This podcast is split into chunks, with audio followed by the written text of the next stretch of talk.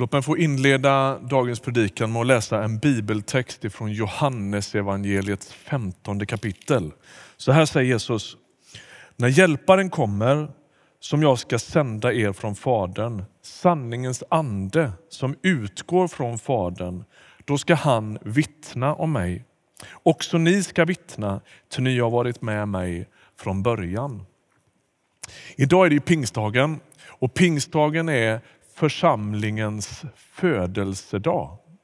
Efter Jesu död och uppståndelse så träder han ju på Kristi himmelsfärdsdag in i tillvarons kontrollrum och där installeras han som den som är herre över precis allting i himlen och på jorden. Och när han, innan han gör det så uppmanar han lärjungarna att de ska be om den helige Ande. De ska be och Gud ska sända sin ande som en gåva. Låt oss säga några ord om det här med Fadern, Sonen och Anden. Det som kyrkan kallar för treenigheten. Gud är en. Det är en viktig sanning i Bibeln. Gud är inte delad, han är inte splittrad, utan Gud är en. Det är viktigt. Och Samtidigt är det så att han är gemenskap i sig själv. Följ med nu. Gud han finns sedan evighet. Han var inte ens ensam innan skapelsen. Han har aldrig varit ensam, inte ens innan begynnelsen, utan har alltid varit i relation. Treenigheten, Fader, Son och Ande finns sedan evighet och innan någonting skapades så var Gud kärlek. Han kan vara det i sig själv eftersom han är relation. I hjärtat av gudomen finns gemenskap. Gud, Fadern, sänder Gud Sonen som sänder Gud Anden.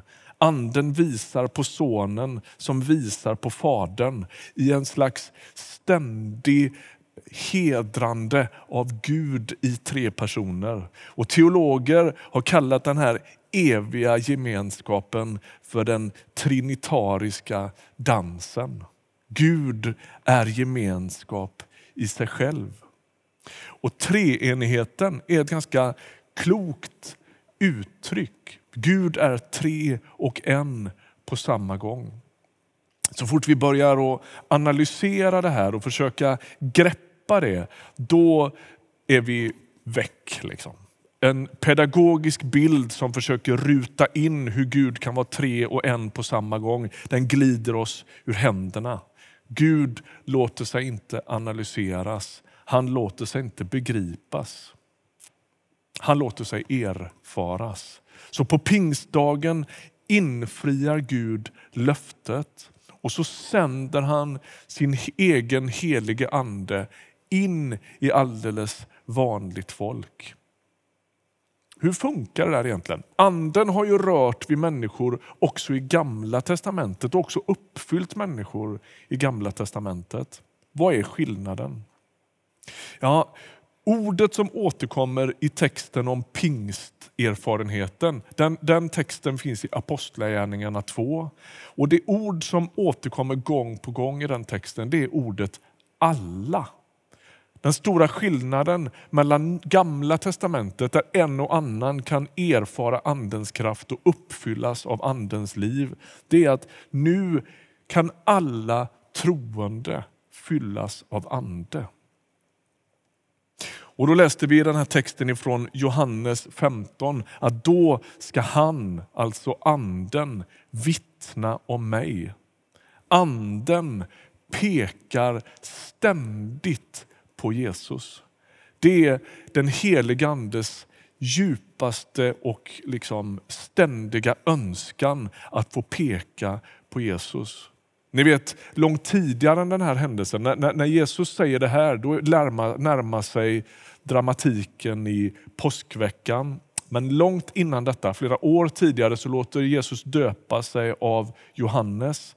Och då kommer anden i form av en duva som sätter sig på honom och fadern säger detta är min älskade son. Han är min utvalde.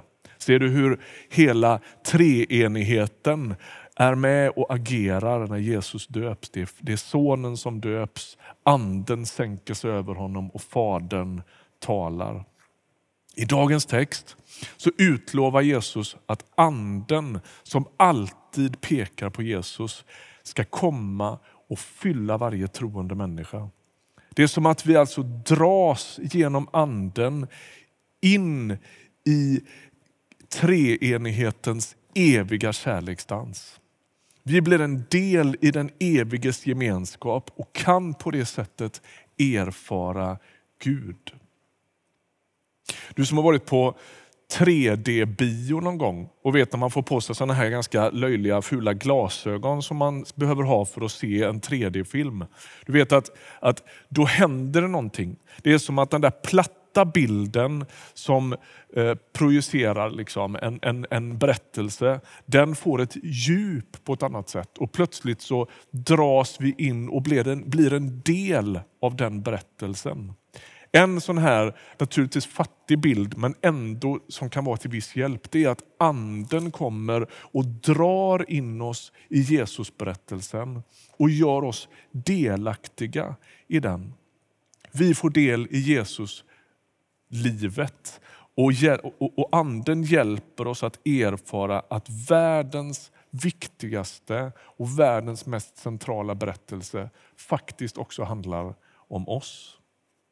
Så utan Anden finns det ingen Guds erfarenhet. Och den där erfarenheten, den gör vi människor tillsammans.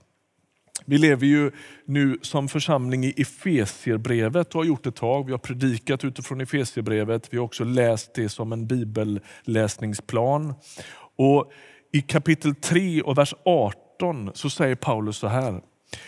Ni ska tillsammans med alla de heliga förmå fatta bredden och längden och höjden och djupet och lära känna Kristi kärlek som är väldigare än all kunskap tills hela Guds fullhet uppfyller er.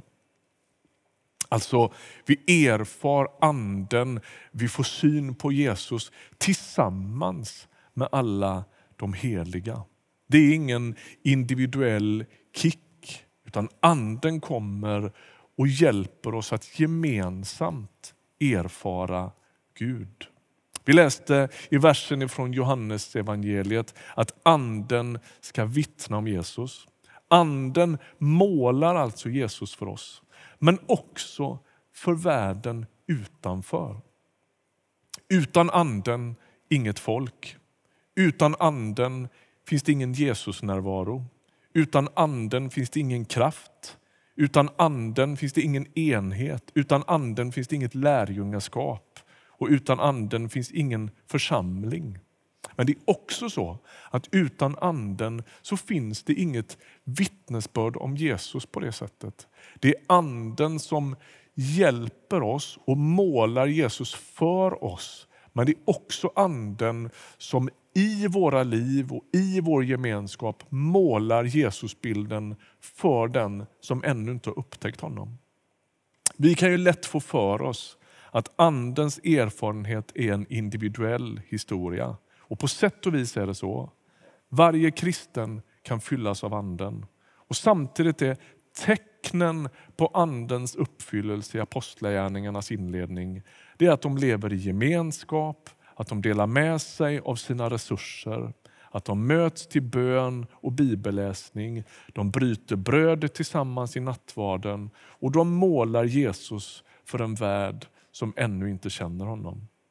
Det är alltså så här, avslutningsvis, att bättre tillsammans, vårt tema nu i maj månad, det är omöjligt utan anden. Vi bildar inte först en gemenskap som sen fylls av anden.